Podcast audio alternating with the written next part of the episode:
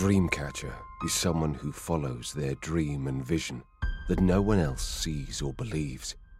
With a hunger and burning desire inside them, they know that nothing is impossible.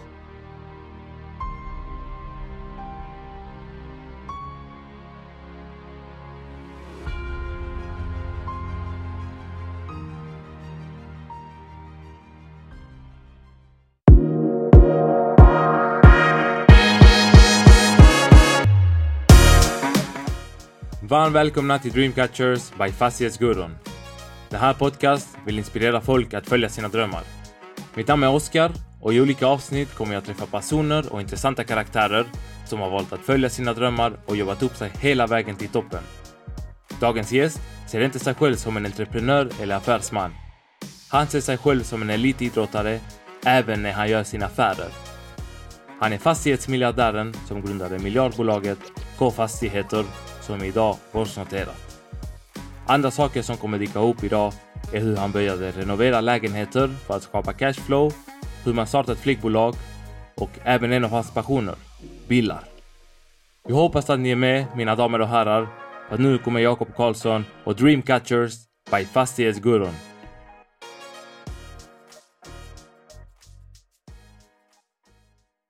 Tjena allihopa! Idag vi befinner oss på Hotell Stad i Hässleholm för att prata med Jakob Karlsson, VD och grundare av K Fastigheter. Tack för att vi fick komma. Tack för att jag får vara med. Jättekul! Min första fråga. Hur känns det att äga den här byggnaden? Ja, men detta är en fastighet som har mycket emotionellt värde. Det roliga var att vi budade hem denna en gång från tidigare ägaren. Och samma dag som vi skulle signa så gick affären om intet. Okej. Okay. Och sen så ytterligare då ett, ett och ett halvt år senare så kom affären ut, eller fastigheten ut på marknaden igen.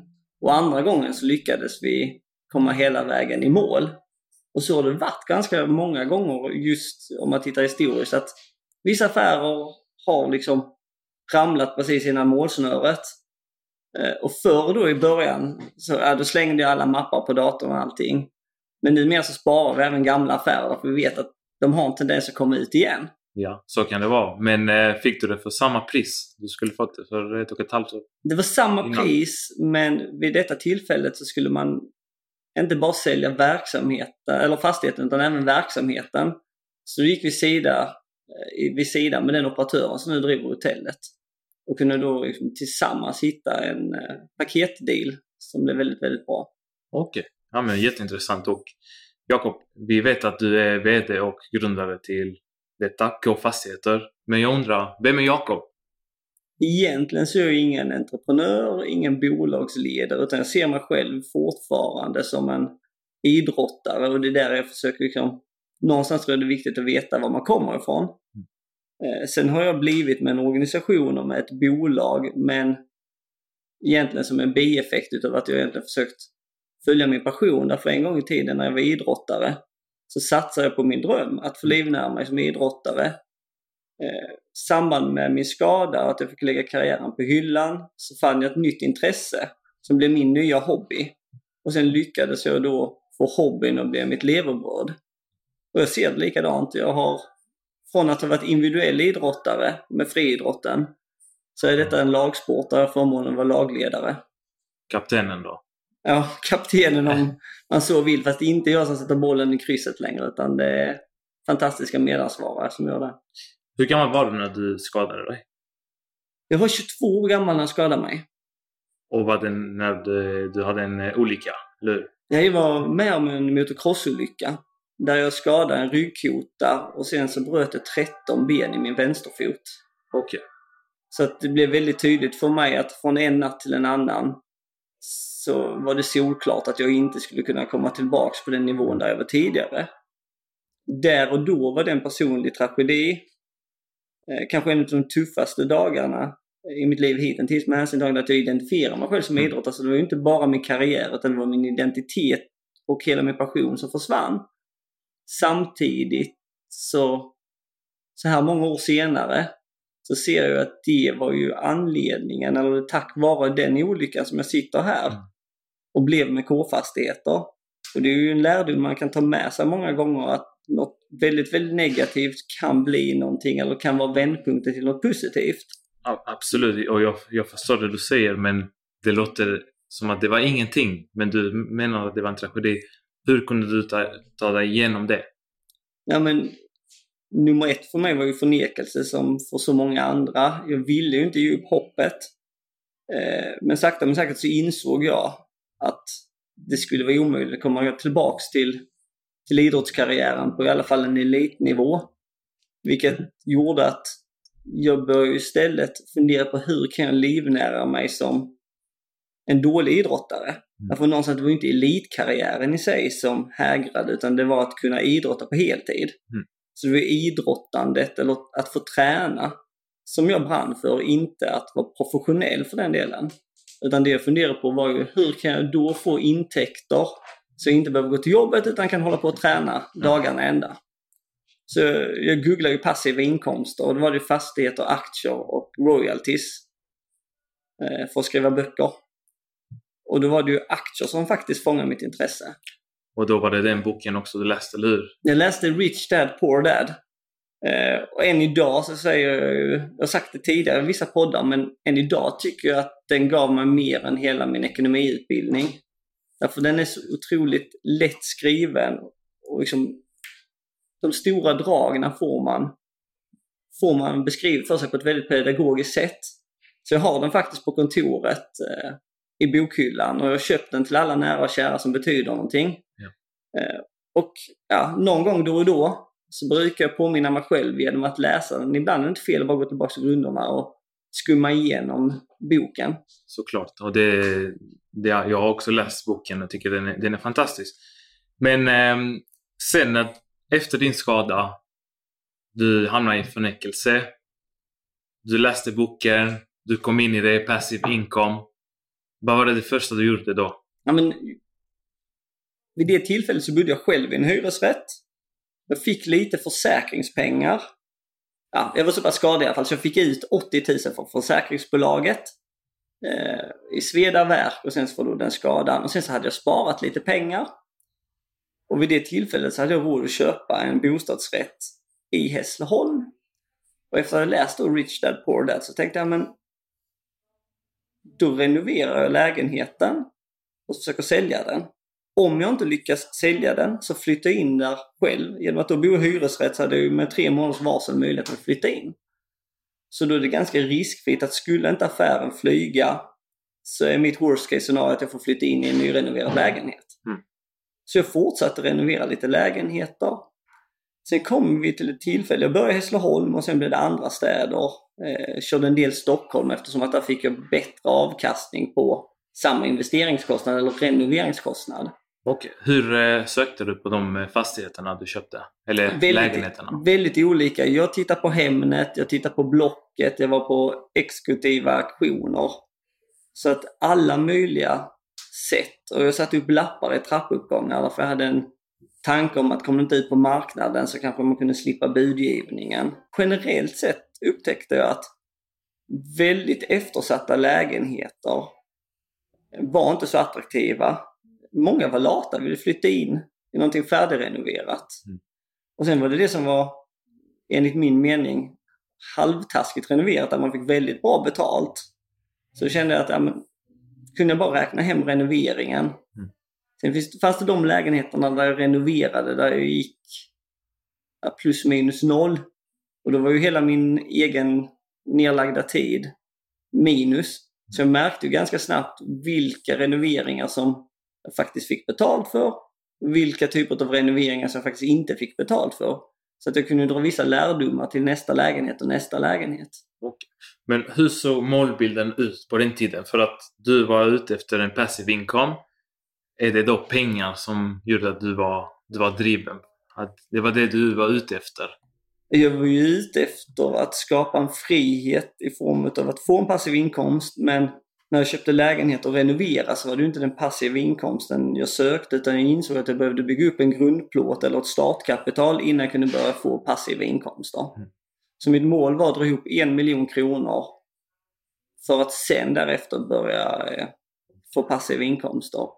Och det var med den miljonen som jag sedermera lyckades få ihop som jag lyckades köpa min första hyresfastighet. Då köpte jag åtta marklägenheter för 6 miljoner. Och där räckte det med en miljon i kontantinsats då och så fick jag låna 5 miljoner av banken.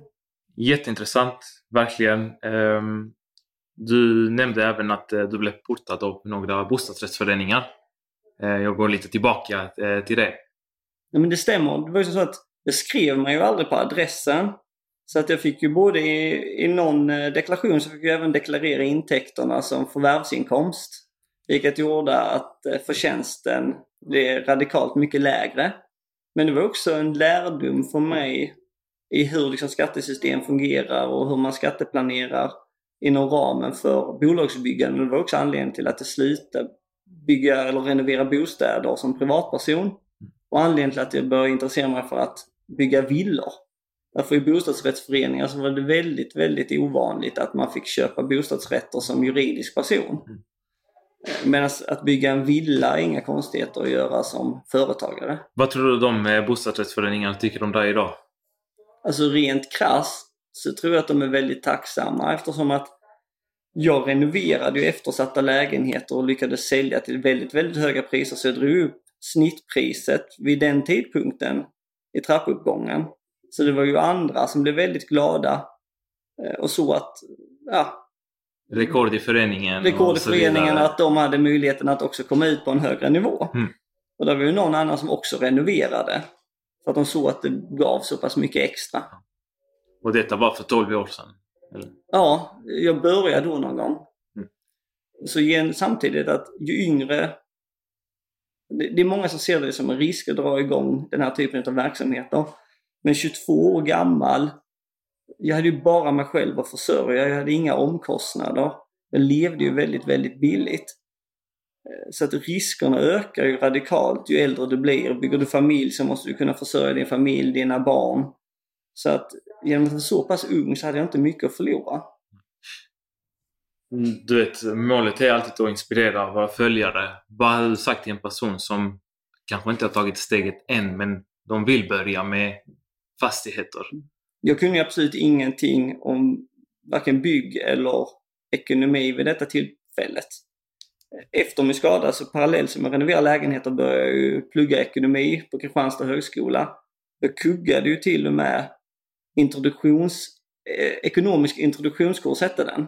Så vid tillfället så hade jag liksom dokumenterat dålig kunskap och ekonomi och kunde definitivt ingenting om bygg utan det är just att ta steget. Men att jag tror att allt företagande så lägger man för mycket fokus på att tjäna pengar. Mm. Så är det fel anledning. Jag la fokus på att minimera risk. Därför ska man, ska man bli framgångsrik så måste man vara uthållig. Det är ett maratonlopp. Och då gäller det att inte förlora pengar istället för att vinstmaximera. Mm. Så att jag, jag tittar på riskerna. Worst case var att jag renoverade för dyrt. Jag lyckades inte sälja med vinst.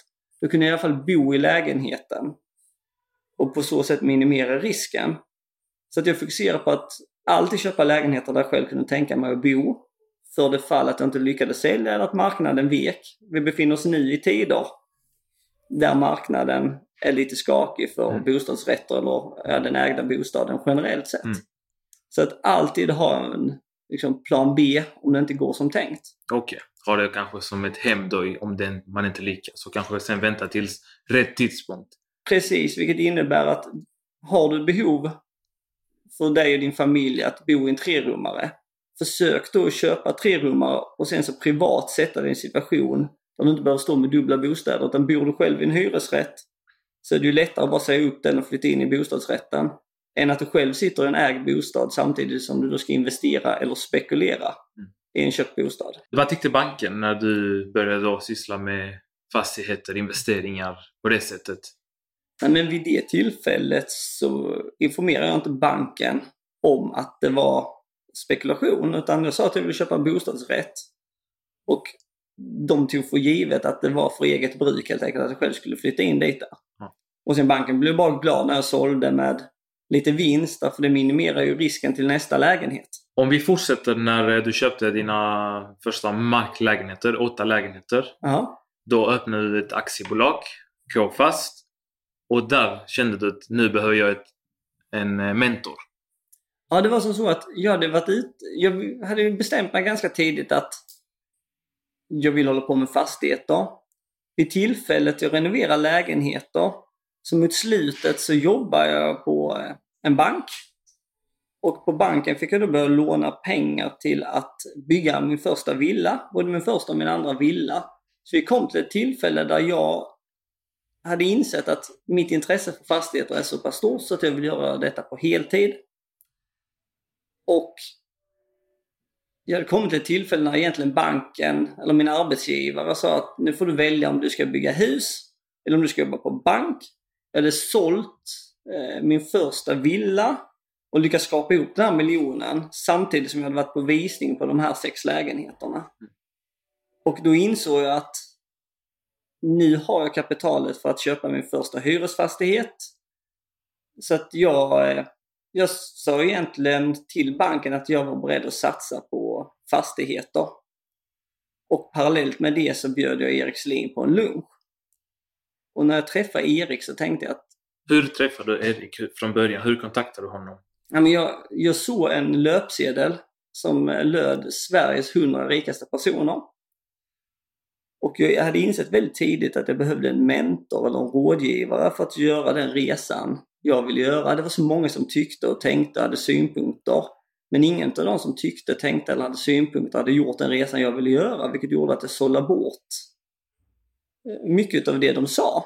Många av dem sa det för omtanke, men det grundade sig mer i rädsla för att de var rädda för att jag skulle bränna mig. Var det vänner och familjen? Ja, men precis. Min familj gav mig väldigt mycket stöd. De har alltid backat mig. Men det var ju många andra som var lite kritiska. Men eh, jag var nog lite naiv och tänkte att detta kommer fungera. Och jag förstod att jag behövde en mentor, en rådgivare, en finansiär. Men jag tänkte inte så stort initialt utan jag började ju ringa folk i min närhet. Någon släkting med lite pengar, någon, ja, någon kompis, föräldrar och så vidare. Men det var ingen som ville satsa sina pengar på mig så att jag hade fått så många nej. Så att jag hade ingenting att förlora. När jag såg den här löpsedeln tänkte jag kan ju ta, det var 100 personer på den här listan. Jag kan ju ta 100 nej till. Eh, det är ju helt ofarligt. Eh, och jag rangordnar den här listan 1 till 100, vilka som var min, mina liksom drömkandidater. Mm. Och jag räknade kallt med att det var inte kapitalet som räknades. Därför om min idé var tillräckligt bra så skulle det attrahera kapital. Skulle, därför är det uppenbart smarta personer som finns på den här listan. Mm. Skulle min idé vara dålig så skulle alla säga nej. Och då var det kanske tur att eh, jag fick de nejna. Hur som i alla fall, Erik var nummer ett på listan. Och jag lyckades inte få tag på honom när jag ringde till växeln utan jag bara drog en slutsats att man tillämpar väl förnamn.efternamn ett bolagsnamn.se mm. och det funkade. Så att jag, jag fick till ett eh, mail till Erik och fick ett, liksom, ja, ett eh, svar nästan omgående att han ville ta en lunch med mig. Och inför den här lunchen så tänkte jag att det är så många som ber efter förmögna personers pengar som som investerare så jag tänkte jag måste sticka ut på något sätt. Och det var ju faktiskt inte Eriks pengar jag ville åt, det var hans kunskap som mentorskap jag ville åt. Så att jag vände på det och berättade som det var. Att jag har en miljon kronor, jag har köpt en fastighet som jag tillträder den 1 december. Eh, Hur gammal är du då? Då var jag 24 år. 24 år? Ja och berätta som det var att eh, jag har dragit igång det här lilla bolaget. Från och med 1 december har vi en fastighet med åtta lägenheter, en miljon eget kapital. Du får hälften av aktierna mot att du blir min mentor. Och då sa jag, jag kan inte ta emot någonting gratis. Som jag det är inte gratis, utan din tid och ditt engagemang. Det är därav jag är beredd att ge dig aktierna. Och så sa Erik att jag skulle fundera på det. Och där tror jag att nyckeln nu när jag analyserar efterhand var alla vill ha massa pengar. Eh, och jag vände på det, jag ville ge pengar. Mm. Och sen ringde Erik mig någon månad senare sa att jag funderat lite på det här. Jag är gärna med dig men jag måste givetvis sätta in lika mycket pengar som du har satt in. Så då satsade Erik en miljon också och sen den dagen är vi kompanjoner. Du hade redan köpt lägenheterna då? Ja, när jag träffade Erik hade jag inte köpt lägenheterna men när Erik ringde tillbaks till mig så hade jag tillträtt.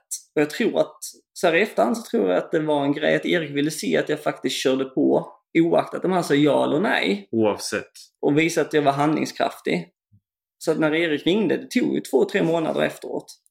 Eh, då hade jag tillträtt lägenheterna, bolaget var bildat och de första hyresintäkterna hade börjat komma. Idag är du VD, så jag undrar, hur ser en dag ut för dig?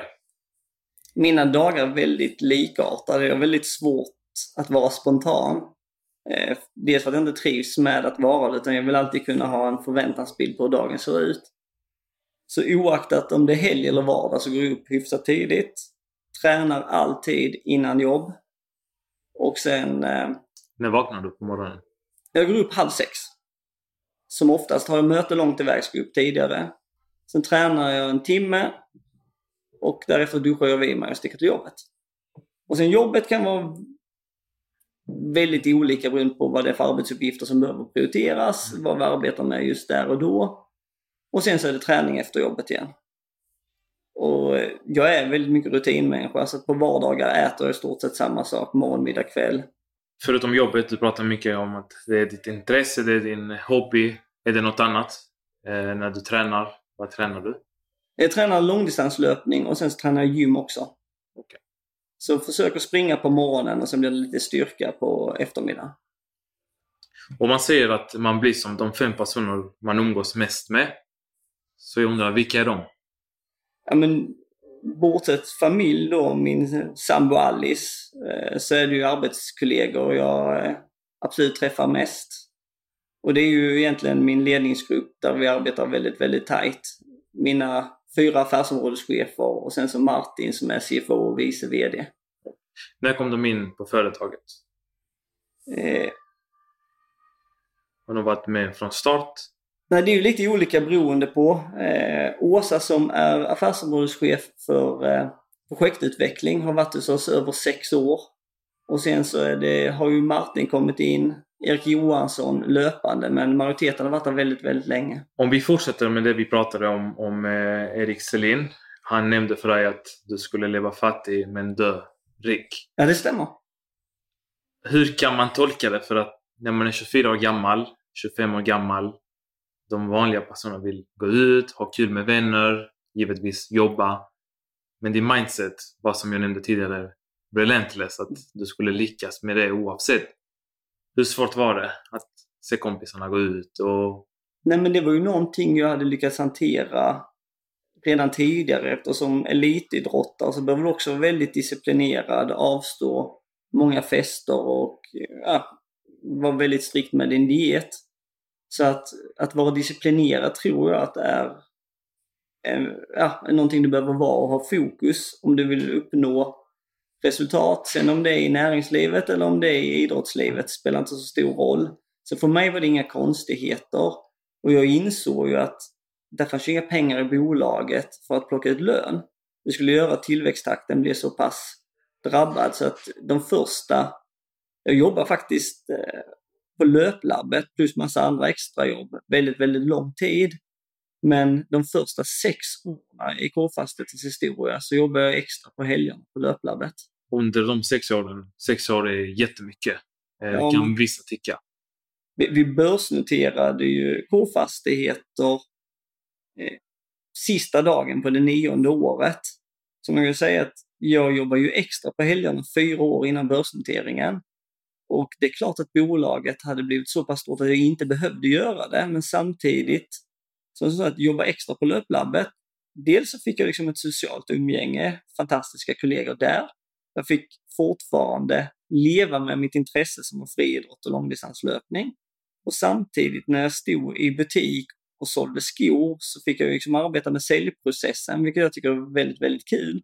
Så att även om det var ett yrke för att kunna livnära mig så gav det ju mig också väldigt mycket. Jag fick ju träffa, där kom in kunder som jobbade i byggbolagen och det var kunder som jobbade på stadsbyggnadsförvaltningen. Och då medan jag stod och sålde skor så kunde jag ställa massa frågor.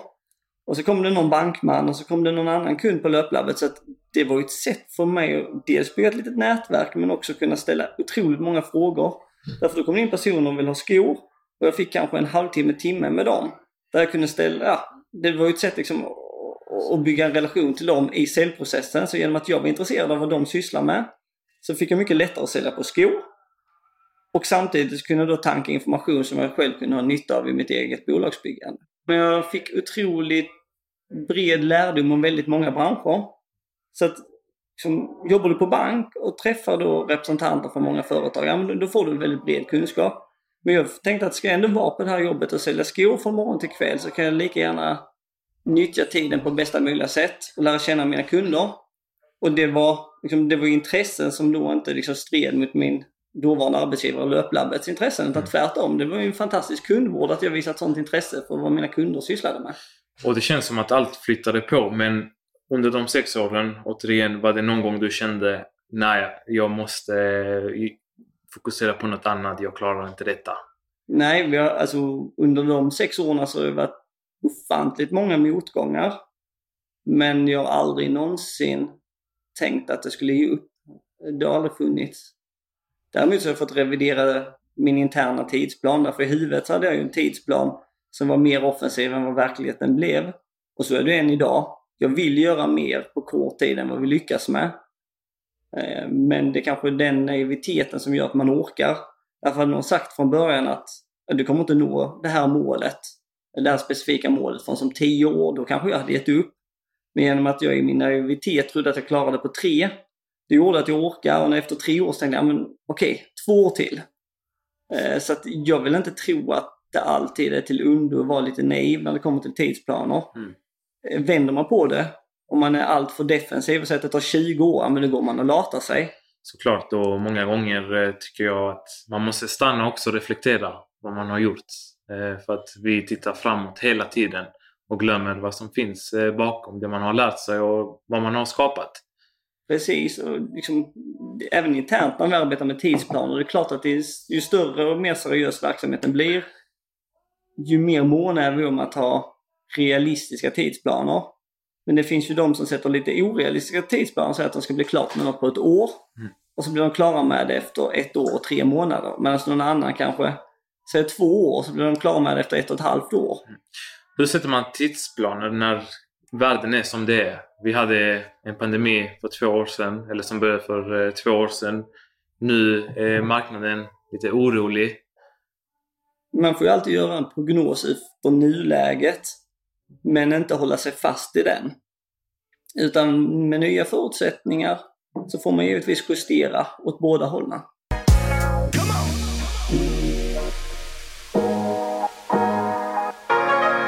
Du, jag är lite sugen på att sälja min bil. Men jag vet inte hur jag ska göra det utan alla jobbiga moment som medföljer. Vad menar du? Ja, du vet. Jag är trött på att lägga upp annonsen på nätet, bli nedring och främlingar som bara prutar och gör mig osäker. Jag vet knappt hur en bilaffär fungerar. Jag hade samma problem. Men så, så blev jag introducerad till Carswipe. Har du hört om dem? Nej, vad är det för något? Carswipe är en marknadsplattform, typ som Blocket, där du som privatperson kan köpa eller sälja en begagnad bil helt digitalt. Carswipe har plockat bort det obekväma mötet, förhandlingen och skambuden.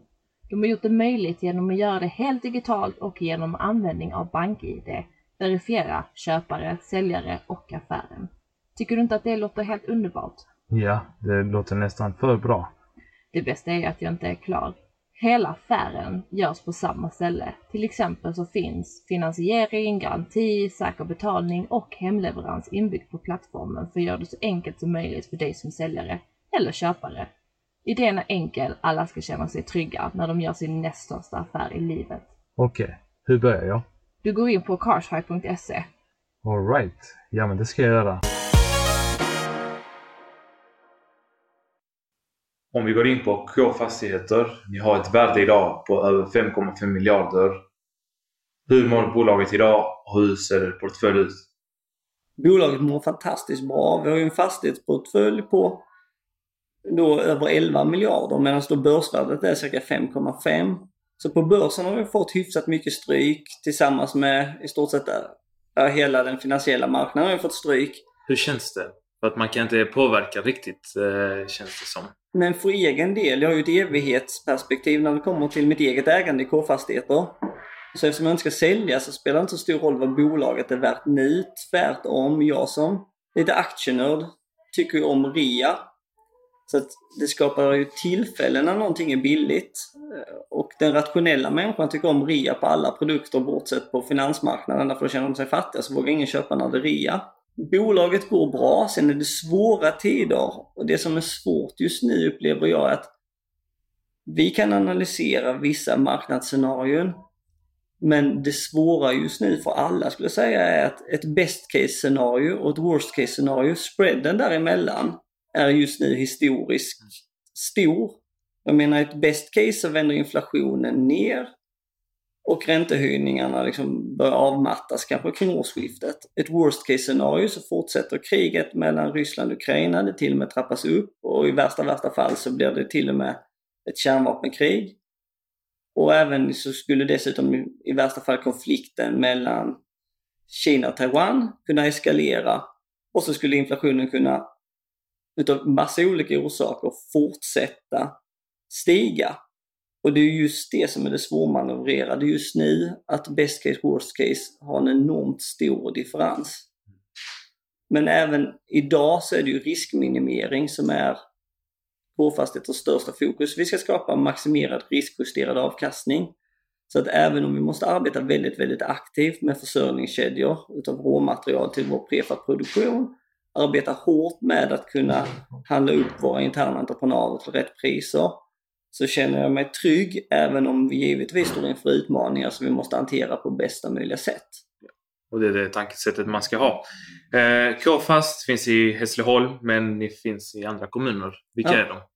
Ja, det stämmer. Vi har ju vårt säte i Hässleholm och det är härifrån jag kommer och det är härifrån vi alltid ska ha vårt säte.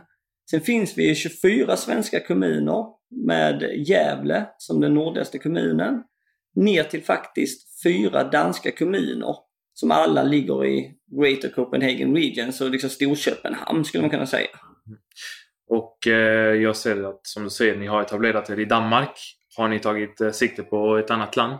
Inte i nuläget. Där vi befinner oss så finns det ofantligt mycket kvar att göra i både Sverige och Danmark. Så jag ser inte det så realistiskt att vi etablerar oss i något annat land i närtid. Men jag ser det som helt givet att vi förr eller senare med ett evighetsperspektiv kommer att etablera oss i andra nationer. Om du skulle välja ett land, vilken hade det varit? Per idag så skulle jag tycka att eh, Storbritannien är väldigt intressant eftersom att bostadsmarknaden där har ungefär samma struktur som vi såg i Köpenhamn tidigare eller i Danmark. Att det finns inga större kommersiella fastighetsägare som har fokus på bostadslägenheter. De som har mycket bostadslägenheter det är mer social housing. Och sen så vill man ha en hyresrätt, ja men då hyr man av någon som har köpt två, tre lägenheter. Men det finns väldigt fåtal större kommersiella aktörer som fokuserar på bostadsfastigheter. Och varför tycker du man ska investera i K-fastigheter? Men K-fastigheter har en väldigt unik affärsmodell. Vi har tryggheten från ett bostadsbolag samtidigt som vi har möjligheten att då dels äga ekosystemet och skapa enorma värden genom att då anskaffa attraktiva nyproducerade hyresrätter till en nivå som är långt under marknadsvärdet. Och dagar som idag när marknadsvärdet kanske är ja, kommer att fluktuera framöver i takt med att ja, räntemarknad och kalkylräntor justeras uppåt. Så är det så att vi investerar ju då i starka kassaflöden. Kan vi då anskaffa våra fastigheter nyproducerade till hög kvalitet till en låg anskaffningskostnad så får vi fantastiskt bra relation från hyresintäkter i förhållande till anskaffningskostnad. Så vi starka kassaflöden. Och det vi ser är att hyresrätten korrelerar negativt med konjunkturen. Och det jag vill säga med det är att efterfrågan på hyresrätten är oftast högre i lite osäkra ekonomiska tider. Så vi får starkare efterfrågan när vi går mot en lågkonjunktur och vice versa. Och sen så har vi då vårt byggben med prefab som är, korrelerar perfekt med konjunkturen. Så att byggindustrin, den går ofta sämre eh, när vi går mot lågkonjunktur. Så att där får vi en vågskål där de, vissa affärsområden går bättre i lågkonjunktur medan andra går sämre och så vice versa. Och det gör att vi hela tiden kan vara lite jämna. Och om vi, eh, i, om vi pratar om nuläge. Hur tänker du idag jämfört med 12 år sedan? Vad, vad känner du om den resa du har gjort? Är du nöjd? Ja, men nöjd blir jag aldrig. Eh, sen är jag jättetacksam för den resan vi har gjort. Jag är väldigt glad att vi lyckades börsnotera bolaget av den enkla anledningen att just vi, vi pratade om att det var kapten för ett lag tidigare. Det gjorde också att vi skapar möjligheten för många utav tidigare medarbetare att faktiskt gå in som delägare. Så idag sitter jag ju som kompanjon med väldigt många på kontoret. Och för mig har det varit liksom ändamålet med noteringen. Att istället för att vara kollegor så blir vi kompanjoner. Så att det långsiktiga målet är att vi ska bli en folkaktie. Men Jakob, vad är det som driver dig? Är det pengarna eller är det skapandet? Det är absolut inte pengar. Eh, då, liksom, då hade pengar har en avtagande marginalnytta. Eh, sista godisbiten är inte lika god som första. Så att pengar är tvärtom någonting som jag är lite rädd för. Så att just det här leva fattigt, dö rikt, det är fortfarande någonting som jag tror på. Därför är pengar drivkraften så blir du latare ju mer pengar du får. Jag tror många kan också vända på typ så, men varför, varför ska jag dö rik? Jag vill kunna njuta av mina pengar under tiden jag är på jorden. Och det är ju ett resonemang som jag definitivt respekterar. Men där måste, det är inte min drivkraft. Sen att det kan vara någon annans drivkraft, så kan det mycket väl vara och det är inget fel med det utan vi får ett liv. Eller vi får utgå från det i alla fall och då ska man göra det som är rätt. För mig har det alltid handlat om att göra någonting som jag verkligen älskar och har passion för. Ska jag lägga i stort sett all min vakna tid, då ska jag göra det för någonting som jag brinner för och det gör jag. Mm. För att utveckla dels hyresrätten som upplåtelseform och bostadsform. Dels att förändra en konservativ industri. För byggnadsindustrin och fastighetssektorn är förhållandevis konservativ och det förstår jag att den är med hänsyn tagen till att det kostar så mycket när man gör fel. Och sen så har fastighetsbolagen gått väldigt, väldigt bra de senaste tre decennierna sedan 90-talskrisen egentligen. Så det har inte funnits några riktigt tydliga incitament varför man skulle vara innovativ. Det gick att tjäna pengar ändå. Ja, jag tror det är en eh, mentalitet som finns idag att man tror att pengarna kommer komma snabbt. Du är ett eh, exempel på att det tar tid, men det ska inte vara någon drivkraft. Det kanske är bättre att bli bäst på det man gör för att sen pengarna kommer komma oavsett.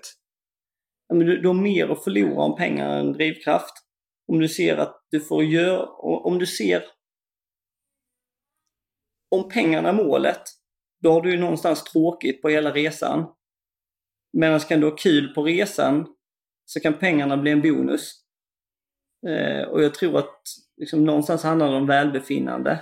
Och skulle du mot förmodan misslyckas, har du haft kul på vägen så var det inte förgäves.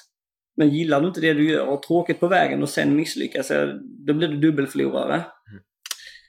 Är du mentor åt någon eh, utanför K-fast idag? Ja, jag har en eh, kille som har eh, gått UF-programmet klart. Som jag är lite mentor åt. Kontaktade han dig? Nej, det var faktiskt jag som kontaktade honom. Okay. Läste en artikel om honom och blev inspirerad och tyckte att han hade gjort en grym resa. Så jag ville egentligen bara lyssna av honom på vad han hade gjort och få möjligheten att träffa honom.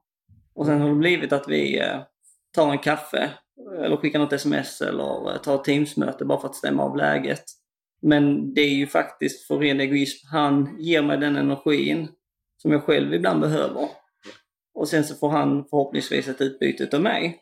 Så att eh, det är egentligen, ja, har ett ömsesidigt behov av varandra. Om du kan berätta lite, några misslyckanden du gjort i din fastighetsresa och vad du har lärt dig av dem?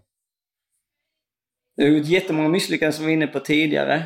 Ett utav de lite större Eh, var ju att efter vi hade fått ett beviljat bygglov, detta många herrans år sedan, så tyckte jag att äh, lägenheten var kvadratiska. tänkte vi spegelvände dem, det blev mycket trevligare. Problemet var att det stred med plan och bygglagen, men då hade jag redan byggt klart huset. Och då insåg jag hur problematiskt det var, för det fanns en anledning varför de var spegelvända. Eh, och det var ju för att det var trafikbuller vid vägen. Eh, så att innan jag gör förändringar idag så får jag liksom förankra dem. Och ni har tack och lov fantastiska medansvariga som hjälper mig att inte göra den typen av misstag. Men ibland så har det gått lite för fort. Hur löste ni det då? Eh, vi kunde tack och lov lösa detta med tekniska lösningar som gjorde att vi kunde reducera ljudet vid fasad. Eh, och så fick vi söka ett nytt bygglov och fick det laga kraftvunnet så att vi fick ta huset i anspråk när det var, var spegelrätt. Men det kostade lite extra pengar. Det är inte bara fastigheter du sysslar med. Det är även lite eh, flygbolag. Eh, kan du berätta lite mer om eh, Skåneflyg? Ja, nej men om man säger mitt fokus är egentligen, jag tror på fokus så att samma sak där, jag vill inte investera så mycket av min tid på andra verksamheter. Så fokus är K-fastigheter. Eh, det är ett ansvar jag har för våra aktieägare att lägga all min disponibla tid där. Sen så i samband med pandemin så la Bra ner sin flyglinje från Kristianstad Airport till Stockholm. Och då såg jag det snarare som ett eh, som någonting att ge tillbaks till bygden där jag kommer ifrån. Jag ansåg att både näringslivets attraktivitet och även för liksom rent egoistiska skäl för att min vardag, eftersom att vi har så mycket med Stockholm att göra, ska fungera. Mm. Så behöver vår region den fungerande infrastrukturen. Tåg i all ära, men det behöver kompletteras med flyg. Så då jag tillsammans med ett par andra entreprenörer valde att satsa på då Skåneflyg. Eh, jag är en passiv delägare där utan egentligen bara en finansiell part som gått in med pengar. Och ni har gått break-even? Kanske vinst? Nej, vi har haft bättre beläggning, alltså fler resenärer har vi kalkylerade med. Men däremot så har drivmedelspriserna gått upp så att vi ligger lite, lite back. Men eh, det är inte så pass mycket som vi egentligen hade räknat med att vi skulle göra år ett. Och det är inte så att vi har någon förhoppning om att tjäna några stora pengar utan tvärtom så är detta egentligen bara att ge tillbaka till bygden. Näringslivet behöver en fungerande flyginfrastruktur. Verkligen. Eh, och förutom fastigheter, eh, vi pratar om olika assets. Är det något annat du gillar att investera dina pengar på? Jag har ju ett aktieintresse. Sen är det ju som så att jag, dels för att det är mitt intresse, men jag gillar ju bolag som har sin intjäning på balansen. Alltså det vill säga till, de tjänar pengar på tillgångar. Och det är ju stort sett fastigheter, fastighetsbolag och banker. Så att eh, jag investerar i mycket bankaktier, eh, fastighetsaktier men försöker hålla ett fokus till det jag förstår. Mm. Sen finns det vissa fina svenska industribolag som jag också valt att investera i men där kan jag inte påstå att jag förstår någonting. Utan där gör jag så gott jag kan, där är jag glad amatör. Ja. Tycker du om klockor? Eh, egentligen inte. Jag, jag gillar eh, bilar. Jag tävlar ju motocross. Eh, jag var inte så duktig på motocross utan jag hade mycket vilja, lite talang, därav skadan. Så att jag har ett intresse i sportbilar eftersom att där får jag den adrenalinen som jag tidigare fick på motocrossbanan. Vilken bil eh, är din drömbil? Ja, men om man säger för mig, jag kör lite bana. Jag har en Porsche GT3 som jag kör på bana med. Jag vågar inte köra fort på gator längre utan det får vara under ordnade former. Som tre, fyra gånger per år så får jag vara med på något banevent och köra några varv där så får jag den adrenalinkicken jag tidigare fick ja, det behöver man ibland. Eh, och vi känner också att idag det är så mycket content ute på nätet. Eh, mycket TikTok där man kan givetvis inspirera sig. Eh, känner du att eh, det är något positivt för folk? Jag tror inte att... Eller, jag ska inte säga För egen del så är jag privat på sociala medier. Utan det är ett sätt för mig att hålla kontakten med riktiga vänner så att säga. Sådana som har gått i min grundskola eller som jag har pluggat med. Eh, så att ska jag liksom acceptera en vänförfrågan så är det någon jag känner på riktigt. Mm. Eh, jag tror att sociala medier är ett fantastiskt inspirationsverktyg om man väljer att nyttja det rätt. Men jag tror också att det föranleder väldigt, väldigt mycket missnöje därför man jämför sig med varandra i en helt annan utsträckning och väldigt många som inte känner att de duger. Mm. Eh, Precis. Jag tror man kan också få den här dopaminkick när man ser en video på någon som har lyckats. Och då tror man själv att ja, men det är enkelt att göra. Det är, man gillar den video, sen kommer en till video om framgång. Och då till slut man har bara scrollat och scrollat och då har man inte gjort någonting. Eh, så det är kanske action, det man ska göra. Inte tänka så mycket eller inspirera så mycket, bara köra. Jag är övertygad om att hade gemene man lagt motsvarande tid som man lägger på sociala medier eller på sin telefon på att faktiskt försöka producera någonting så hade det varit en större framgångsfaktor än att sitta och scrolla inlägg. Hur eh, definierar du framgång? Framgång för mig är att må bra och så som jag definierar egentligen livet så står man på tre pelare. Du har hälsa, du har relationer och du har karriär. Och så länge det går bra på alla tre så mår du bra. Det är framgång för mig. Men börjar ett av de här benen vacklar så klarar du att hålla balansen på två. Men tappar du balansen på två av de här benen så faller du. Så för mig handlar det om att ha en balans med de här tre benen och så länge du vårdar och faktiskt liksom dedikerar, och, äh, dedikerar tid till att din hälsa, relationer och till din karriär eh, och alla går bra. Det är framgång för mig. Det värdefullaste tipset du kan ge till en ung tjej eller kille som har en ambition att satsa på sin dröm? Att det kom, så det jag vill att de flesta ska inse är att allting tar längre tid än vad du tror. Så att sätt, gör någonting som du kan tänka dig att hålla på med resten av ditt liv. För det är så många som blir besvikna för att det tar längre tid och så lägger man upp, men det är bättre att lyckas långsamt än att inte lyckas alls. Om du skulle starta din fastighetsresa och du inte hade haft din kontaktnät, hur skulle du, det första steget se ut för att du ska lyckas? Men om man säger lägenheterna som jag började renovera, den första villan jag byggde och den första hyresfastigheten byggde jag ju helt utan kontaktnät. Så att jag tycker att det var en perfekt start. Lägenheterna var ett sätt som var ganska riskfritt att doppa fötterna i vattnet. Villan blev ett kraftigt nästa steg men jag byggde fortfarande hyresrätt och kunde säga upp lägenheten, flytta in i villan och finansiera den. Jag skulle inte gå i personlig konkurs om jag inte fick den såld. Så att för mig var det ett jättebra sätt att börja.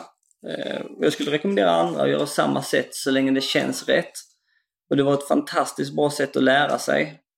Först fick man lära sig renovera, det var inte så farligt lägenheten om det blev fel, då fick man göra om. Mm. Och sen villan, då blev det ju lite mer allvar. Eh, lite mer komplext, men det var ju samtidigt kanske den bästa skolan. Jag drar ju väldigt mycket nytta av den kunskapen jag fick då, än idag. Så du är en händig man nu? Ja, det kan jag inte påstå. Någon gång har jag legat efter på något bygge så har jag erbjudit mig min egen hjälp. Men det slutar alltid att jag handlangar eller får gå och städa. så att så pass effektiv tycker de inte att jag är. Ja, det är viktigt att hjälpa till i alla fall. Jakob Karlsson från K Fastigheter. Ett stort tack för din tid och för att vi fick möjligheten att få prata med dig idag här i Hässleholm i en av dina fastigheter. Du är en inspirationskälla för många människor och vi önskar dig ett stort lycka till på din resa med K Fastigheter. Vi kommer nog ses snart igen. Superkul att få vara med, tack! Tack så mycket.